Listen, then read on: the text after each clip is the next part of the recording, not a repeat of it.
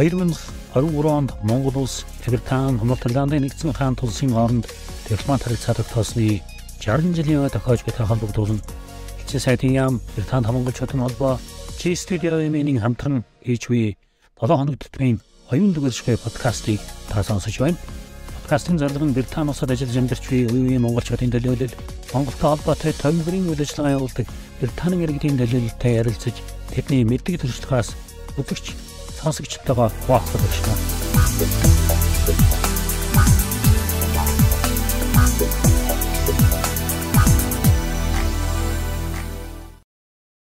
Өнөөдрийн дугаартаа Их Британид 35 жил үйл ажиллагаа явуулсан Төвдийн сангийн захирал Пунцуг Анжлахыг оролцуулж байна. Thank you very much for agreeing for this interview. And then you have been for London for how long? London now 50 years. 50 years. Yeah. But before you were in Mongolia, and Mongolia and Tibet has had long relationship for centuries. Yes. When your relationship with Mongolia started? 1974. First, first uh, um, Third Asian Buddhist Conference in Delhi, 1974. I participated. You know, I was uh, there to organize a meeting of His Holiness the Dalai Lama and uh, Russian and Mongolian uh. That was my first meeting. And then I went to Mongolia in 1974, and that was my first visit. And how long uh, did you stay in Mongolia? I stayed uh, for one month, and during which I visited Ganden, obviously, and then I visited um, various libraries and, uh, and the countryside, and a lot of exchange with the Ganden Monastery and the Ministry of Education. Yes, uh, that was the time we did discuss in future Tibetans should be uh, uh, get a sponsorship in Mongolia to study the Mongolian or Russian language, and the Mongolians should go to India to study uh, Tibet language and Buddhism. And so that was my initial visit to Mongolia. But I read in a book uh, written by Tumur Togo, Professor Tumur Togo, who uh, taught in uh, Nehru University, and you were you knew him at that time as well. Well, I was in the uh, Jawaharlal Nehru University. I was a research assistant in the. the uh, professor Tomotogo was their visiting professor. So he was teaching Mongolian language, and I was one of the three students learning Tibetan language. So we initially became teacher and a student. Um, then later on, we became very good friends. You know, we knew each other, and he introduced me to many uh, officers in the Mongolian embassy and the Russian officers. So that was my first connection before going to Mongolia. Okay, and then you s- finished your studies and you started working, and then through the uh, Switzerland, and you came to London. Yeah, well, then, no, it was like this. Then, immediately after I graduated from university, I was appointed as assistant director Dalai Lama's library in mm-hmm. Dharamsala. And then at that time, I expressed my desire to re-establish Buddhism with His Holiness. Mm-hmm. And then later on, I said I would like to go to Mongolia. And His Holiness said that was a very good idea. Mm-hmm. So that's where I started. And I returned to India. I reported my visit and all the things to His Holiness. Then I came to London. I settled down in London then. And then in 1985, you established Tibet Foundation. Yes, before that, then uh, um, His Holiness asked me to be rep- his representative in Europe, and I o- opened the Tibet office in London for the first time. I worked there for six years, and 1985, then I established Tibet Foundation as a UK registered charity, helping you know development and social and education. Uh, that was great start. And then, uh, but when you, before leaving India, your teacher told you, you have to go and come back when you help to others. That's right. And that, that was original. When I first left Tibet in 1958, I went to uh, see my master teacher, and I said, should I go or not? And he said, you go, you know, and don't come back until you are able to help others.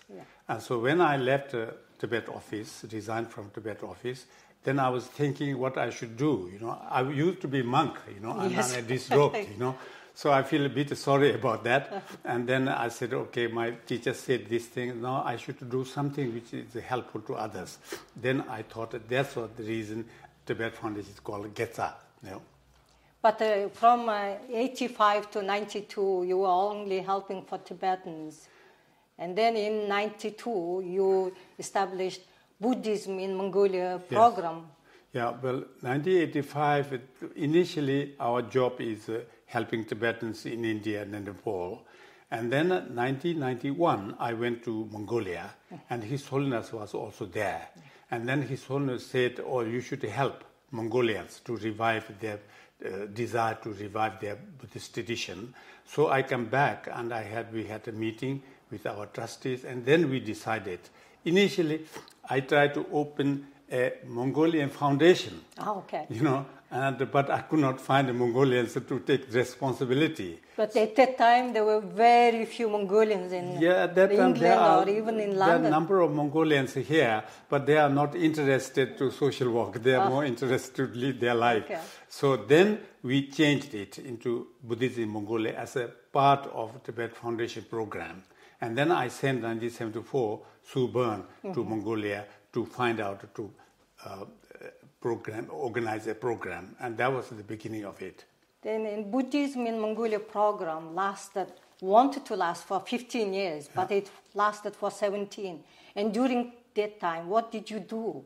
Well, initially our work was really helping to rebuild uh, the monastery, restock the library. We brought lots of books from India to Mongolia.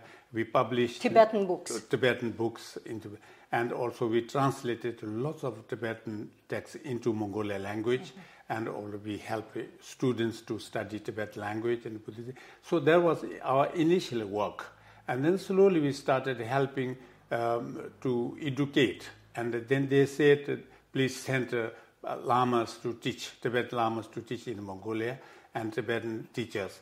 So we said we can help, help that, but ultimately you have to Mongolians have to become themselves a teacher Yes, to teach. sure. And that was the reason Tibetans kept uh, our religion intact. Mongolia, unfortunately, always depended on other languages. So there was a discussion. So, but we took, uh, uh, we brought a Tibetan monk to teach in the university. We put, brought a Tibetan teacher to teach in the university with language, two of them. And then we sent uh, four uh, uh, uh, Mongolian monks and uh, three Mongolian nuns to study uh, in Mongolia. That was the beginning of it.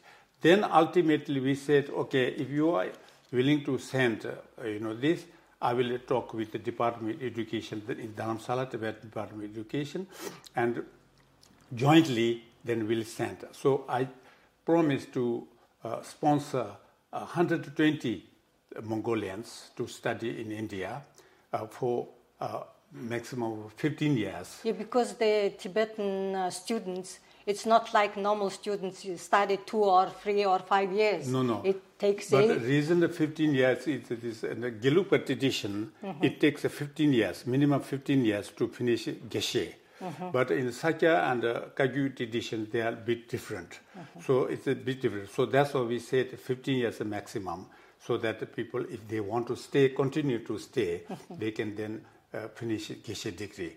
But ultimately, it went till 17 years. We, we went on to seven, 2001, I think. Then we com- uh, closed it. And thank you for, for these uh, students whom you sponsored. And many of them became scholars. And then they're contributing still now for the revival of Buddhism. And they're bringing lots of research to the interna- international field about the Buddhism and how it evolved during these years. That's Can you- correct. That's correct. You know, initially when I first went there, there's hardly any Mongolian who could speak. We could not communicate, you know, in language. Only some lamas can write in Tibetan, and then we communicate. But now, after we, our sponsorship, now you go to Mongolia, there are so many Mongolian lamas who could speak Tibetan language, who can teach, and they establish their own temples, their own monasteries, you know. And uh, now is uh, very good. Yes, we are very happy about that.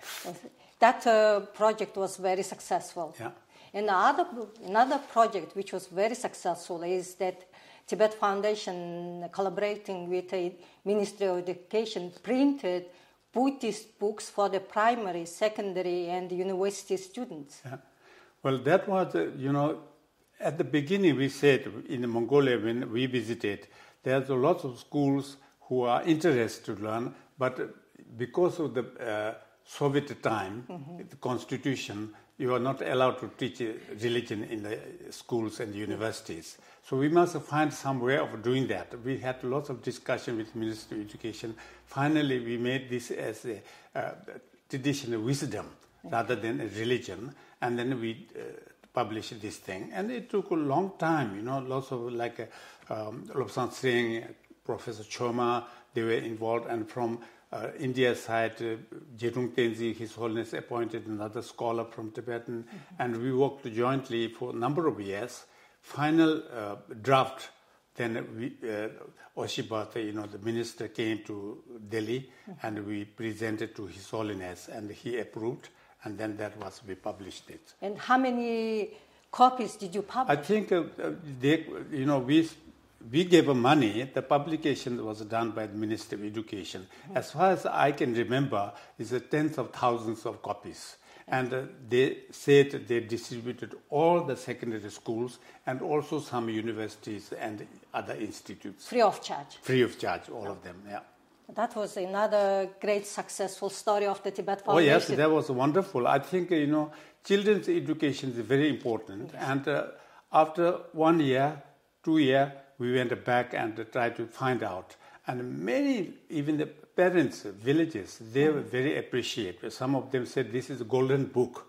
Before, we said, uh, learn uh, uh, Buddhism, but don't know what is Buddhism. Now we can also learn through this book what Buddhism is, when we do prostration, what it means, when we pray, what it means. So they, they are very appreciative. Because very everything before that was in Tibetan, and uh, like ordinary Mongolians didn't understand. And through your, that book, it was distributed to the schools and from the school, and because of the children, even parents were appreciated your work. Yes, that's absolutely correct. Yes, and, true. And I would like to ask you another big project which was done. Hmm. The Mongolian yes. Buddhist art. Yeah. It's uh, not a very big yeah. project. This idea actually came when I first went to Mongolia in 1971, I think. That time I met your father, mm-hmm. you know, and also uh, future Prime Minister Enkhbayar. Yeah. They were all there. That time they were saying that we have Mongolia lots of Buddhist literatures, mm-hmm. you know, arts, objects in the museums, mm-hmm. but they are not recorded. So many, you know, people they steal it, they buy it, they take it abroad. So we need a, a catalog of it. Yeah. That was even that time we discussed, but for a number of years we were not able to do that because of funding. It cost mm-hmm. lots of money, and then finally, then we decided, you know, we had the money and we decided to publish this. And then, you know, the, the from Mongolian side, you know, the, um, the Cultural Heritage Center was the main person they took. And then from London, we sent our scholars, and then they published this one. Yes. And then, uh, how long does it take to? I think it took another four four years. Mm-hmm. Four years. It took four years. Uh, you know, because it is lots of process. First, uh, uh, photographs, then identification. You know, before before that there was nothing. You know, no description all of them are, when you say Buddha, Buddha, all of them. yes. so, but then we translated this thing in the Mongolian language, the Tibetan, and then English, and in some, some even in Chinese. Mm-hmm. So then each and identity, all the things are identified. You know what Buddha is uh, significance. You know, there was a wonderful book. You know, for future. It is. It was much appreciated. Even once in that film, you know this. Uh, School of Oriental African Studies, they said they saw this, oh, God, this is wonderful, this is really uh, great record, you know, for future students. Even in, in London, yeah. they said this is a good record to study. And this shows that Mongolia has a very enormous heritage of yeah. Buddhist art. And then there is already recorded, and we know that we have it. Yeah. Because yes. usually with, in a normal society, we say we don't know. There is nobody cataloged them, mm. and it was just every single by orally. And then Initially, you know, the cultural heritage uh, appealed us to sponsor, uh, I think, seven different uh, projects. And uh, one of these, all this is all thankas and paintings, you know, not statues. Yeah. That was number one. Number two is all the statues, objects, you know, like stupas and these things. And the third and fourth, others are not related to Buddhism, but like camels, the camel shoulders, like that. So we are able to publish only first one. Okay. And uh, unfortunately, the second one, we, are, we, we, we said we will publish, you know, statues and this, this, but, uh, you know, unfortunately, we were not able to do that. maybe someone else will Um, continue. I I hope Uh, someone else will be able to do that, yes. And then all this uh, your work has been made film documentary, The Blue Scarf. Yeah. Would you how, and during those uh, films, how many times did you go to Mongolia? Uh, well, up to actually in Mongolia, initially uh, first 1971, and uh, for next 10 years, sometimes I went twice uh, because every time I go to Tibet in, uh, you know, China from Beijing is very near, so they go to Mongolia as well. And uh, altogether, I must have gone to at least 20 times to Mongolia. But uh, the Blue Scarf, we decided to go to record, initially to record all the Buddhist revival uh, projects in Mongolia. And that's why we went to so many South uh, Gobi deserts, um, bicycle, so many different places to record, you know, what it is. And in the meantime, you could see in the film itself, maybe you will be able to show some of these things. We have recorded quite a good uh, uh, uh, program. And uh, other project that you have done, uh, Buddhism in uh, Mongolia program, you brought Tumen Ekh folklore group That's right. to Europe. I think in 1992, we first invited uh, Khambo Lama Choijamts to London. And uh, because here in the UK, in the West, many people know Tibet, but they don't know Mongolia. They know only Genghis Khan. Yes, some heard the Genghis Khan, apart from they don't know. So unless people are made aware of richness of Mongolian culture, richness of Buddhist heritage in Mongolia, nobody is going to support us because we are charity organization. We depend on donations. You know, that's why the, initially our job is to propagate, to Yeah. uh, publicize, you know, Mongolia. And so that's why Khambo Lama Choijamts we brought. And also in Mongolia itself, uh, many young people, they don't uh, regard Buddhism very important, you know. They regard, oh, America, this West. But to show them that even the Western people are taking great interest in Buddhism and they are taking interest. So we have already, Mongolia had this thing, why not we revive? So that's why I, we brought the Khambo Lama Choijamts. We took to different uh, Buddhist centers in the UK, and so he went back uh, with these films. He gave a talk on the television, showed this thing. So that was this. And then immediately after that, we brought the Tumen Ekh. I think the first Tumen Ekh was 1973, I think. No, they arrived the first time in uh, 1994. 1994. I think 1990.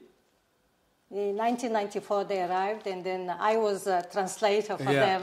And then they was was, was that uh, the, the Dalai Lama's uh, teaching was there. You know, this uh, Humi Singha sang uh-huh. to his holiness. Do you remember that? Oh, I don't remember that, but uh, mm, two No, minutes. no, that must be the, the must be second time. Oh, yeah. You, you must be second time. First time was when His Holiness was teaching in the Wembley, you uh-huh. know, we organized, uh-huh. and oh, there was this Chamba, you know, uh-huh. the son of the oh, Khoomei singer.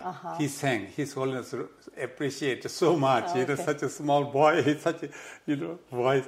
Yeah. So uh, we brought them here, and then took different uh, countries, publicized, you know, and lots of uh, uh, uh, you know talk I gave, you know, yeah. they publicized how much they suffered during the Soviet time, and now they are willing to revive. Yes, that's right. And then uh, after that, they have been here, and then more Mongolian culture was introduced to the UK or the European countries. Yes, I, I think so. Yes, yes. There was initially, initially, yes, that publicity helped a lot then we had lots of people supporting Mongolian program, mm-hmm. and our fundraising went up, and then we were able to do all these big, bigger projects. Yes, in, another uh, project was uh, uh, locating Mongolian uh, temples and monasteries as well. Yes, that's right.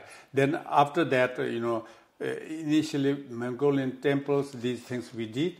After that, Sue Byrne, mm-hmm. you know, that time our program manager, she, she had lots of experience and she continued to work with UNESCO and to do another big project. The Mongolian community is much bigger than in the ni- yeah. beginning of the 90s. What kind of help do you want from them? No, I think the now, the, well, now I just retired, you know, I don't do anything. But I think uh, what the Mongolians want to do, initial idea has to come from them like say we want to do this, we want to do that, and then how to go about it, then I may be able to help by advising. That's exactly what we did. We never went to Mongolian to tell you should do this and that. Mm-hmm. But uh, what you want, we asked. We wanted Buddhism revive. We wanted Tibetan lamas. Then okay, we said we do textbooks. We sent lamas. We trained them. So that is, uh, I think, if, Mongolians here, big community, because I have never participated in their program, because never uh, uh, be in their organization. But if they have interest, there are lots of uh, scholars in the uh, School of Oriental African Studies, Tibetan scholars. They should invite, you know, Tibetan mm-hmm. scholars they, you know, if they ask me, I will tell them how to go about it. You have experience yeah. running the charity. You know, what I can tell is uh, how to do it. You know, and that is exactly what His Holiness said. Mm-hmm. That uh, Mongolia is an independent country. They have embassy all over the world, but we are refugee. But we may be able to. Uh, we are able to know more. Yes. We explain how to deal with the Western people. You know, yeah. so help it. So that's exactly, you know, how to go about it, you know, through my experience, I may be able to tell, you know, but uh, I can't do anymore. You know, I'm 81 years old. It's just too old to do anything. but with your experience, you can help them. Yes, I, I, will be happy to help them how to go about it, what to do. I think the main thing is uh, they should first have interest in doing this, you know. You, unless they have interest, then it's like a, like a force, you know, like you should do this, you should do. They will not do it. They should be made understand. You know, that initially when I went to Mongolian University, one reason why we took Tibetan teacher is that when I went there, and some of the young students they were studying Tibetan, mm-hmm. and I asked them why you are studying Tibetan language, and he said, oh in our history was glorious time at the time. And that time they had this Buddhism, they studied Tibetan, you know. So I want to. I was very impressed. You know, that's how they should feel, you know. So, you know, their tradition, oh, they were great at that time. Now we are not great. So how, how we should build it, you know? Yeah, and I wanted to ask another question about this book. And uh, um, there is a name of Lau Demchek is there. Did he go to India to study in Tibetan schools?